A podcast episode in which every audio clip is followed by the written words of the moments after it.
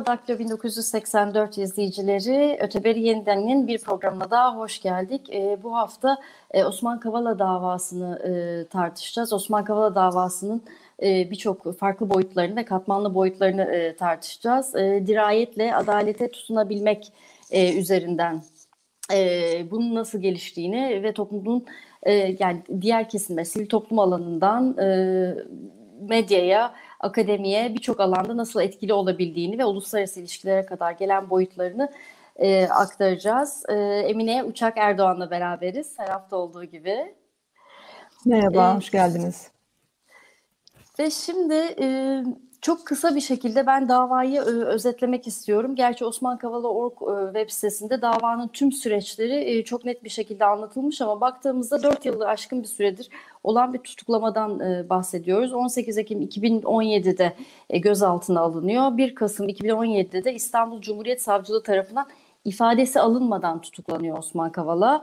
Nedeni de gezi ayaklanmasının e, ve sonra da 15 Temmuz'un darbe girişiminin işte üst aklı olmak, organizatörü olmak gibi e, hiçbir zamanda e, tam olarak somut delillerin yer almadığı bir dava süreci başlıyor. Tutukluluğuna çeşitli itirazlar oluyor. Ee, ve e, iddianame ancak 2000, 19 Şubat 2019'da hazırlanıyor yani baktığınızda neredeyse iki yılı yakın bir e, süre sonra e, ve avukatların e, bulunduğu ilk duruşmada 30 Nisan 2019'da oluyor ve sürekli tutukluluğa devam kararı veriliyor. Arada e, Avrupa İnsan Hakları Mahkemesi'ne e, çeşitli defalar başvurularda bulunuyor. E, Avrupa İnsan Hakları Mahkemesi İnsan Hakları Sözleşmesi ni temel alarak Osman Kavala'nın yaşadıklarının hak ihlali olduğunu ve bir an önce beraat verilmesi yönünde bir açıklama yapıyor ve 18 Şubat 2020'de beraat kararı geliyor ve fakat hemen yeniden başka nedenlerle daha önce yani organize e, kamu düzenini e, bo, bozacak bir suç işlemekten e, tahliye edildiği dava üzerinden tekrar bir soruşturma açılıyor. Yani açıkçası Osman Kavala'nın tutulmasına e, ka, karar verilmiş siyasi bir adalet mekanizması içinde tutukluluğu devam ediyor. 16 Eylül'de 9 Haziran 2021'de yani bu senenin başında Avrupa İnsan Hakları Mahkemesi sürece uyulması konusunda Türkiye'ye uyarıda bulunuyor yoksa uluslararası süreç başlatacağını söylüyor. 16 Eylül'de uyarısını yeniliyor ve davanın 8 Ekim'deki davayı bekliyoruz. Yine tutukluluğa devam, yine açıklanan beraat kararına ve ta, resen tahliyelere hiçbir cevap yok. Yani rehin alınmış bir halde. Ve en sonunda da hepimizin çok yakın zamanda şahit olduğu 10 büyükelçi krizi, kriz halinde Türkiye'de yaşanan e, olay e, patlıyor. Bu olay nedir? Aslında Avrupa İnsan Hakları Mahkemesi'ne uluslararası e, ülkeler yani devletler, Amerika ve Batılı devletler diyorlar ki bu karara e, uy. E, çünkü bu karara uymakla Türkiye neden yükümlü? E, çünkü e, Avrupa İnsan Hakları Mahkemesi aslında Türkiye'nin kararlarının da üstünde bir mahkeme ve e, bağlayıcılığı var. E, o yüzden bunlara uy deniyor ve sonra da diplomatik bir şekilde bu çözülüyor. Bunların hepsini detaylı bir şekilde tar e, tartışacağız. Bu dava sürecinde bu kadar adaletsizlikle e, seyrediyor. Katmanları var bunların. E, bütün bu adalet sürecinden bahsettiğimizde e, be, beraatle sonuçlanan Avrupa İnsan Hakları e, Mahkemesi ve bütün bu yaşanan adaletler e, bütün bu süreci nasıl değerlendiriyorsun Emine? Sence Ayşe Bura ve Osman Kavala, Ayşe Bura, Osman Kavala'nın eşi bu süreçte açıklamalar yaptı. E, senin bu konularla ilgili değerlendirmelerin neler? Yani öncelikle ben de e, herkes gibi yani bu davanın aslında bir e, adalet e, mekanizmasıyla yürüdüğünü ya da adalet davası olmadığını daha çok da keyfiyet davası, keyfiyetle yürütülen bir dava olduğunu düşünüyorum. Zaten e, adalet mekanizmasını keyfiyet kadar e, zarar veren bir e, şey yok. Yani bu keyfiyet norm haline geldiğinde ne masumiyet karinesi, ne e, suçun şahsiliği, ne adil yargılama, yani hani hukukta olmazsa olmaz denilen hiçbir şeyin e, yürümediğini görüyoruz. Sadece bu davada değil genel itibariyle e, Türkiye'nin içinde bulunduğu davalarda. Yani burada e, hem iç hukuk biraz önce ayrıntılarını anlattığın hem iç hukukta hem de e, uluslararası hukuk alanında herkes bunun e, bu delillerin isnat edilen suçların doğru olmadığını ve tahliye edilmesi gerektiğini söylüyor. Ama bu engelleniyor. Yani çünkü e, mesele adaletin yerini bulması değil. Hani bir böyle bir tarafı var bunun. E, son e, dava da aslında çok daha şey bir yere geldik. Yani hani bunu e, e, şeyde her e, duruşmada şöyle bir şey oluyor. Bu kez beraat olacak diyor. Yani toplum buna bekliyor. Sivil toplum vesaire böyle bir beklenti içine giriyor. Tabii bence Kavala'nın kendisi de ve yakın ailesi de bunu böyle olduğunu düşünüyor e, başından beri e, bu süreçte çok hani e, hakikaten hani dirayette tam da programa ismini koyduğumuz gibi durduğunu görüyoruz. Ayşe burada e, bir yandan hani bu mücadeleye iki taraftan e, şahit oluyoruz biz. Ama bu son e, dava onlar için de sanırım artık hani her şeyin bittiği bir, yer, bir yere tekabül ediyor ki öncelikle Osman Kavala bir açıklama yaptı ve hani bu şartlar e, altında artık adil bir yargılamadan söz edilemeyeceğini ve bundan sonra da duruşmalara katılmasının bir anlamı olmayacağını söyledi.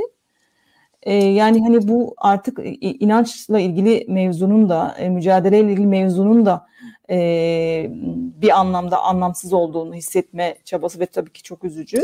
Ayşe burada bir açıklama yaptı sonra bir röportajda ve bunun yeni hukuk ve mantıkla izahı olmadığını söyledi.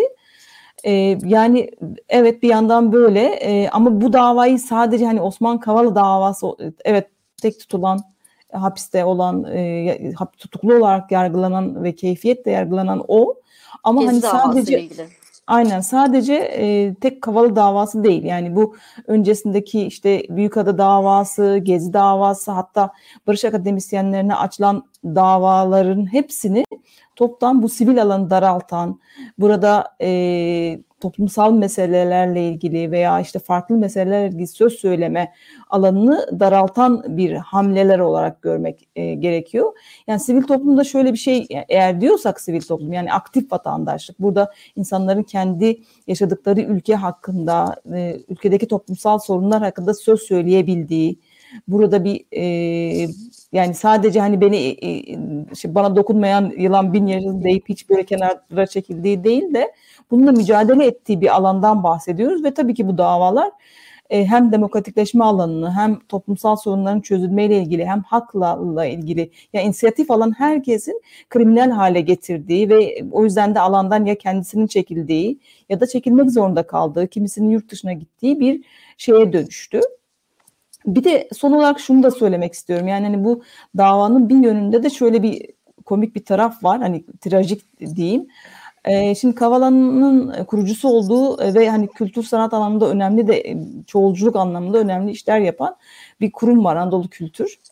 Oraya da bir mesela dava açıldı ve e, MASAK yani bütün bu aslında sözü geçen kurumların hepsini didik dedik ettiği halde bir e, suç bulamadığı halde Anadolu kültüre bir kapatma davası söz konusu ve burada mesela şundan bahsediliyor. Yani niye sen bir şirketsin ve niye e, kar etmiyorsun?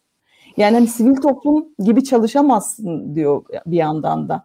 Hani bütün bunları düşününce ortada e, sadece hani e, bir dava yok. Aslında bir kişinin de hedefe konulduğunu e, görüyoruz. O yüzden hani ben de sana hani bunu sorayım.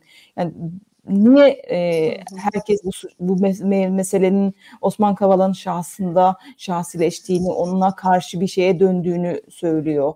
Ve niye seçildi sana göre? Mesela Kavala niye seçildi? Niye hedefte? Hı hı. Ya tabii bu birçok kişinin sorduğu sorulardan bir tanesi ve hani hepimizin de üzerine düşündüğü ama burada galiba en temel nokta ben bu dava sürecinde de hani dirayetle adaleti aramak diyoruz ama e, şu dava sürecinde bile 4 yıl sonunda çıkmayacağım demenin kendisinin son derece e, naif fakat ben naifliği severim çünkü naiflik kendi içinde bir direnmeyi barındırır. E, naif bir şekilde adalete inanmak derdi olması ile ilgili ve e, o yüzden artık 4 yıl sonunda bu olmayınca bu açıklamayı yaptı. Çok daha sert girebilirdi. Bunu yapmadı. Aslında sivil toplum çalışmalarında da aynı titizlik ve naiflikle yaklaştığını düşünüyorum. Ben de şunu demek istiyorum ideal bir demokratik ortamda, özgür ve saydam bir ortamda sivil alan nasıl kurulursa e, bu e, şekilde sivil alanı kurmak istedi. Katılımcı, yani kendisi aslında içinden çıktığı sınıf burjuva sınıfı diyebiliriz. Yani sermayedar biri. Evet bir döneme kadar aktif iş insanlığı var. Daha sonra aktif iş yaşamını bir kenara bırakıyor. Bu anlamda şu anda belki aktif bir iş adamı değil. Yani risk alma ile ilgili o riski e, almıyor. Onun yerine siyasi riskler alıyor. Sivil toplum alanını açmak istiyor. Dünya o sırada buna çok hazır. Türkiye hazır. Ve bunu ben sermayedarım, benim sözüm geçer şekilde yapmıyor. Toplumun meselelerini, demokratikleşme, barış, özgürlük için olan meseleleri tabandan katılımla, kültür sanat alanında başta olmak üzere ki kültür sanat alanı bir yandan çok naif bir alan olarak görülebilir ama eğer siz yok olan kültürlerden, e, söz söyleme özgürlüğünden bahsediyorsanız bu alanın kendisi artık son derece e, önemli bir siyasi alana girer. Özellikle de bizimki gibi e, de, devlet yapılarında bizimki gibi oturamamış, kurulamamış, demokrasinin sadece söylemde olan, pratikte olmadığı veya işte o mücadelede yıllardır debelenen insanların ve süreçlerin olduğu bir şekilde. O anlamda da özgür, saydam, eşit ilişkiler kuruyor tabandan ve yaptığı çalışmalarla da uluslararası alanda bir saygınlık elde ediyor ve ilişkilerine devam ediyor. Bu anlamda bir yandan üstüne koca koca iddialar bindiriliyor bu davan ve Osman Kavala'nı düşünsenize şeyden bahsediyoruz yani koskocaman Gezi ayaklam ki Gezi'nin parçasıydık bir kısmımız kenarındaydık bir kısmımız içindeydik her neyse ama ne olursa olsun olayın çıkış şekli ve aktörlerin çeşitliliğine baktığımızda bir organizatörün olmadığını söylemek veya işte bu tartışmalar gider ama yani bir organizatöre bunu bağlamak ve Osman Kavala'ya bağlamak zaten iddianamede de gördüğümüz e, gibi yani çok tutarsız. Hani plastik sandalye taşımak, su göndermek kadar bir mühimmat, darbe girişimi gibi. Yani çok, çok hakikaten uçuk kaçık. E, o anlamda hani gerçek değil. E, bir, bir, bu yanı var. E, Diğer yandan da e, Osman Kavala'nın tabii temsil ettiği o sermayenin karşısında demokratikleşmeye e, alan açmaya çalışması.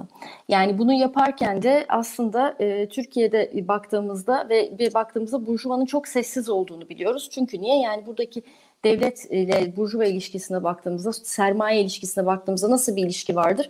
Ben ticaretimi yapayım, ben işimi yöneteyim aman siyasi alana girmeyeyim, devlete hele karşıma almayayım. Alırsam çünkü risk alırım. Ee, yani Batı burjuvasından farklı bir şeyden bahsediyoruz. Yani burjuva demokrasisi bile yok yani. Gayet devlet ile şekillenmiş sermaye güdümünde. Aslında tarihsel olarak bakarsak da hani bunun milli haritalarının da çizildiği yani milli sermaye nasıl yaratıldı bu toplumda diye baktığımızda 6-7 Eylül olaylarına 1955 olaylarına kadar giden çok net bir şekilde bazı konulara e, değinmeyeceksiniz. Ve oradan bazı aileler güçlenerek çıkabilirler. E, bir noktaya girdi ama bu, bütün bunlarda Osman Kavala Ermeni meselesinden Kürt barış hareketine yani barış meselesine kadar bu alanlara girdi. Yani sermayedar bir ailenin mensubu e, olarak aslında haddi olmayan, sınırlarını aşan yerlere girdi. O yüzden de Burjuva kendi sınıfı da buna sahip çıkmadı çünkü risk e, almak istemiyor hiçbiri. Fakat burada e, unutulan bir şey var. E, en sonunda e, tarihe kalacak olan e, belki de Osman belki de değil yani Osman Kavala'nın duruşu. E, çünkü e, ileride demokratikleşme ile ilgili bir şeyler e, yapıldığında, bir çalışmalar yapıldığında bu duruşun kendisi, bu dirayetin hem adalet arama sürecinde hem sivil toplumun saydam eşit özgür olması noktasında katılımcı tabandan gelen dirayetin ve o naifliğin yani ideale uyma e, idealizminin e, kalacağını ve ders kitaplarında demokratikleşme alanında okutulacağını e, görüyoruz. Peki bütün bunlar aslında e, bu, bu bütün bu naiflikten bahsettim. Biraz reel siyasete dönerek sana bir soru sorayım Emine. İç siyaseti nasıl etkiledi? Çünkü e, ben idealist olanı kurmaya çalışan bir insandan bahsediyorum. E, e, sence iç siyasette neler oldu? Siyasi partiler nasıl tepkiler verdi? Sen neler gözlemledin bu dönemde? Şimdi bir kere hani Kavala'nın o bahsettiğin demokratikleşme çalışmalarında aslında e, bu iktidara da yani şimdiki ittifak olmasa bile öncesinde özellikle demokratikleşmenin Avrupa Birliği ile ilgili muktesebatın işleme konulduğu sıralarda çok da böyle uzak durmadığı bir siyasetten bahsediyoruz. Yani hani bu kategorik olarak karşısında durduğu bir yer değil burası.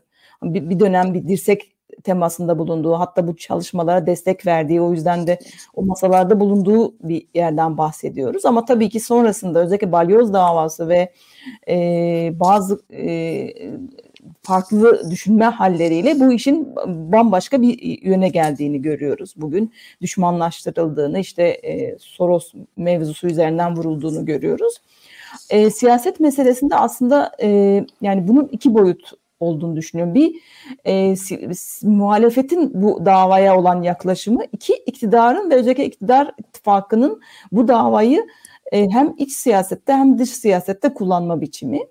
Şimdi muhalefet partileri e, davanın e, adalet mekanizmaları açısından e, çok yani sonuçta arkasında duruyor ve bunun hukukla ilgisi olmadığını söylüyor. E, Kılıçdaroğlu da Akşener'de e, bunu sıkı sık söylüyor ve derhal tahliye be- beklendiğin konusunda hani netler. Hatta Babacan geçtiğimiz günlerde bu olayın bir içinde şahsi inatlaşma var dedi. Yani herkes gibi. Yine mesela Karamollaoğlu hem Kavala hem Demirtaş için tahliye istedi. Hukuk cinayetidir dedi. E, Davutoğlu ilk günden itibaren zulümle yani bunun işte bu bir zulümdür diyor. Yani hani böyle bir e, hiç kimse bu bu konuda hani siyaset aslında davanın da ve davanın neye dönüştüğünün de farkında. E, ama hani buraya şöyle bir şey koymak lazım. Yani bu davaya bu şekilde tepki vermek yine mesela milletvekilleri, CHP'li milletvekilleri, başka milletvekilleri gidiyor, cezaevinde ziyaret ediyor. Bunu gündemde tutmaya çalışıyor. Böyle bir ilgi var ama bu ilgiyi şöyle bir e, parantez açtıktan sonra tekrar bir yere hani tekrar başka bir boyuta geçmesi gerektiğini de düşünüyorum. Şöyle şimdi iktidar bunu dediğim gibi iki e, türlü kullanıyor. Bir kere zaten aslında e, seçim dönemlerinde çoğunda hani böyle bir dış mihraklar, dış güçlerle ilgili bir mit e, olması lazım. Çünkü e, bu o zaman iç siyaseti çok sıkılaştıran, saflaştıran e, bir konu var. İşte daha önceki seçimlerde Hollanda krizi vardı. İşte e, her zaman için hani böyle iç işlerimize karışan veya işte böyle sürekli bize e, karşı duran bir Batı dünyası var. E, o yüzden de hani e, işte e, şey, Avrupa İnsan Hakları Mahkemesi'nin çağrısı, Avrupa Konseyi'nin çağrısı tam da hani dönem dönem aranılan e, bir şeye dönüyor. Çünkü zaten sonuçta bu dava e, dan dolayı bir, bu konuyla ilgili bir e, uluslararası hukuk mekanizmaları veya uluslararası hukuk camiaları var. O yüzden aa bakın işte bunlar e, bunlar var. Bunlar arkasında meselesi için kullanışlı bir seçenek.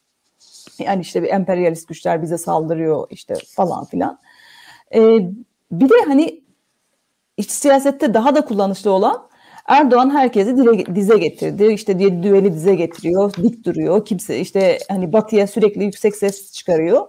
Yani çünkü burada mesela bu davada e, e, davaya karşı çıkarılan her ses ki mesela Büyükada davasında da aynı şekilde olmuştu. En üst perdeden sahiplenilmişti ama sonrasında aslında e, herkes beraat etti. Yani hani bir, bir yandan da hani böyle bir geri adım noktası da oluyor. Yani kapalı kapılar arkasında anlaşmalar var ya da işte e, dirsek e, uluslararası siyaset sürüyor ama iç siyasette bakın biz onlara hiç papuç bırakmıyoruz. İşte e, ondan sonra sürekli herkesi dize getiriyoruz diyor. Çünkü bunun hani hakikaten iç siyasette bir karşılığı var.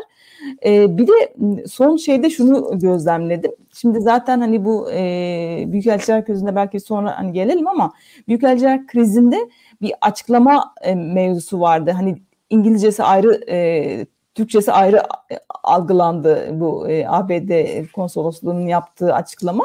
Erdoğan da son Azerbaycan dönüşünde hani herkesin işine gele, geleni alacağı şekilde bir konuşma yaptı. Yani şey dedi yani mesela e, konsey bildiğini okusun. Onlar ne okuyor ne, dinleriz, görürüz. AYM'in e, şey AYM'in kararını da dinleriz. E, ona göre kendimiz karar veririz. Biz üzerimize düşeni yaparız dedi. Şimdi e, muhalif e, medya kanalları hemen bu burasını aldı. Aa, bak gördün mü işte e, şey adım atılıyor. E, geri adım atıldı ama aslında konuşmanın devamı vardı. O da öbür yankı odasına karşıydı bakın nasıl dik durduk işte biz kimseye şimdiye kadar eyvallah demedik yine demeyiz gibi bir açıklama. E, yani o yüzden de e, hani her iki tarafında istediği cümleler kurulmuş oldu. O yüzden hani mesela burada bir siyasi mühendislik varsa e, şey muhalefet partilerinin de bunu sadece adalet mekanizması veya iç hukuk meselesi olarak görmeyip ki zaten e, Meral Akşener söyledi bunu yani hani e, Türkiye'nin Avrupa İnsan Hakları Mahkemesi'ni e, kabul etme ile ilgili bir yükümlülüğü var. Yani burada bu kararları kabul etmek zorunda çünkü attığı imzalar var buna işaret ediyor ama özellikle bunun iç siyasete alet edilmesi noktasında uluslararası boyutu ondan sonra e, daha halkın gündemine getirecek şekilde bir karşı duruş olmasının önemli olduğunu düşünüyorum. Yani çünkü konu mesela bu tezkere meselesinde CHP hakikaten bir e, farklılık yaptı. Konu böyle dış meselelere geldiğinde bir saflaşmaya e, hemen o e, şeyin resmin içine girme hali vardı. Çünkü bütün muhalefet partileri Türkiye'deki bu e, refleksten, bu işte paranoyalardan ha, bir haberdar yani. O yüzden de hani bu davada ve diğer konularda bu e, iç siyasette saflaştırma harekatından belki beri e, durmanın iyi bir çıkış olabileceğini düşünüyorum. E, bu büyükelçiler krizi ne sen nasıl değerlendiriyorsun? Yani Türkiye'de bu tartışmanın ele alınma biçimini nasıl görüyorsun? Hı hı. Aslında senin söylediklerine paralel bir yanı var ama biraz daha açacak olursak e, çok güzel özetledin o dış ve iç ve her iki tarafta karşılıklı nasıl kullanıldığını e, ve uluslararası alanda da e, işte Amerikan medyasına baktığımızda falan orada da aslında Erdoğan'ın dize getirildiği yani herkes bunu aslında yumuşak bir diplomasiyle çözmeye yeltendi yani bu, bunu niyetle buna niyetlendi. Bu işin bir boyutu.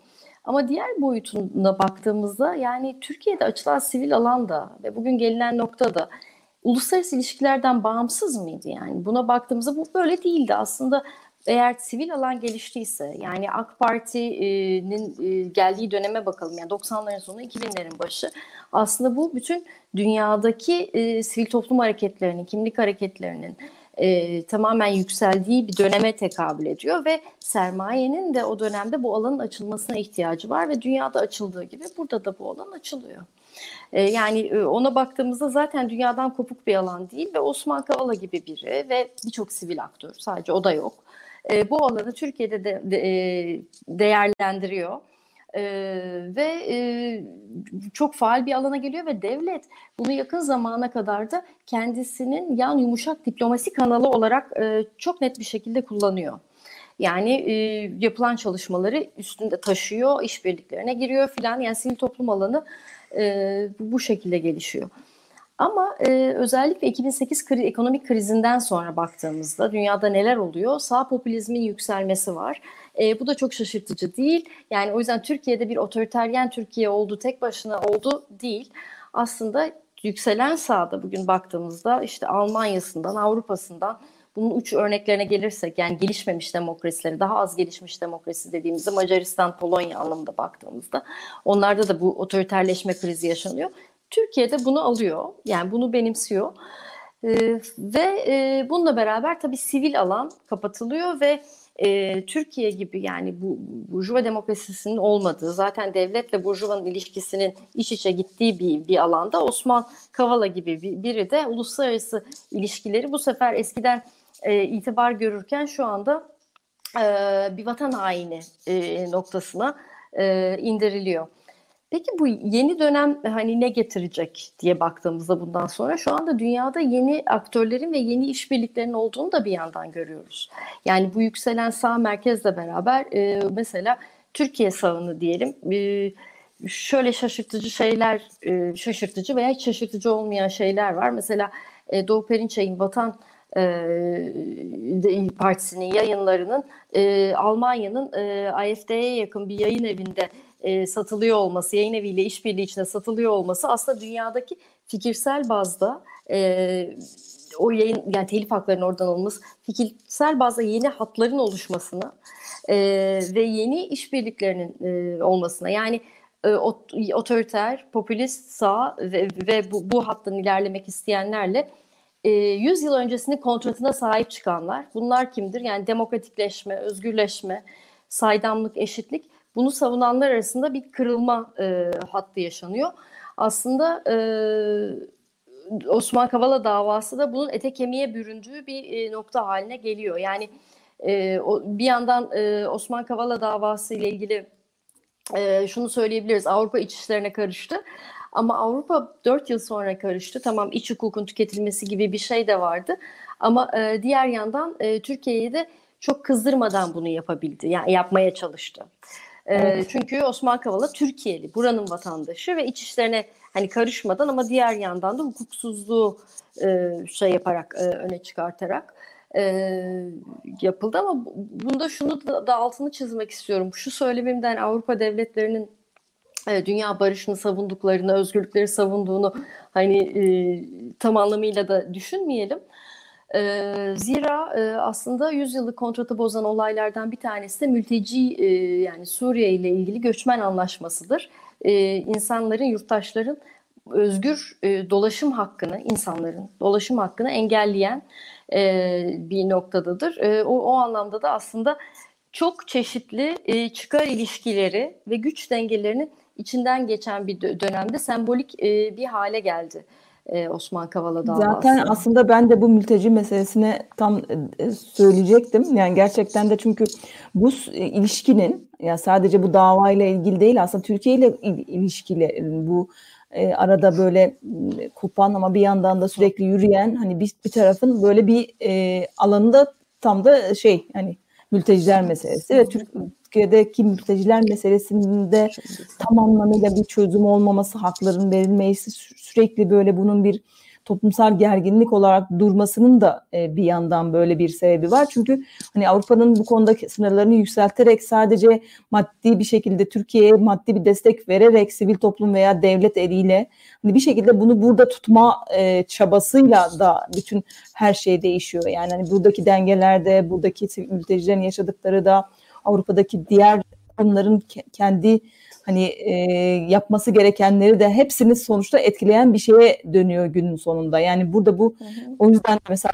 mesela e, Osman Kavala'nın mülteciler konusundaki şeyin de aslında e, duyarlılığını da hani belki bahsetmek lazım. Burada çünkü e, böyle makbul mülteci oluşturmak değil aslında bütün mültecilere bir şekilde bir alan açılması, o mülteciler içindeki çoğunluğun da görülmesi noktasında çok hani önemliydi Anadolu kültürün ve onun e, bakış açısı ve dediğin gibi gerçekten dönüp gelip hani mülteci meselesine e, geliyor her şey. E, bu yönü de hani unutmamak lazım. Bir şey daha eklemek istiyorum. Ayrıca e, yani şunu da altını tekrar çizmek lazım. Aslında Türkiye gibi ülkelerde sivil toplum olsun, akademi olsun, medya olsun burada e, hakikat üzerine e, işler yaptığınızda eğer bu devletin e, an, siyasetini etkiliyorsa siz ister istemez yaptığınız işin dışında bir siyasi işin içinde kendinizi buluyorsunuz. E, bu da aslında Türkiye'de devam edecek. Yani siyaset yapmak istemesek bile ister istemez müdahil olduğumuz konular, yaptığımız araştırmalar o siyasi alana dokunduğu için de siyasetten bağımsız bir alan yok e, diğer yandan da Avrupa'da e, Alman Akademisi'nde hani kendi suçluluk hisseden ve işte Nazi dönemi ve Stasi döneminden e, itibaren hani devletin, siyasetin akademiye girmesinden e, çok sıkı sıyrılmış bir akademi var ve orada sürekli karşımıza gelen bir şey var. E, işte siyaseti karıştırmayın, objektif olun. Ama akademide, sivil toplumda ve medyada, medya kısmını sen de söylersin ama ben de takip edebildiğim kadar. Yani sivil alanlarda objektif olma, olun demenin kendisi bile bir normu dayatmak aslında. Ee, yani o normun çerçevesinde konuştuğunuz objektivite oluyorsunuz. Çünkü bu alanlarda objektivite olmaz. Bir gerçeğin e, görünen görünmeyen yüzleri ve tartışma alanları olur. O yüzden de e, bu dava bazında baktığımızda aslında e, ifşa edilemeyenler yani bir türlü o e, şey bağlanamayan e, suç e, çünkü ortada yok e, bağlanamayan ilişkiler bütün bunların hepsi de aslında e, o e, subjektif alan, al, al, alanın ne kadar saydam ve e, dayanışmayla yürüdüğünü bir yanıyla şu naif ve dirayetli olduğunda tekrar e, gösteriyor kanımca. Söyleyeceklerim galiba bu kadar.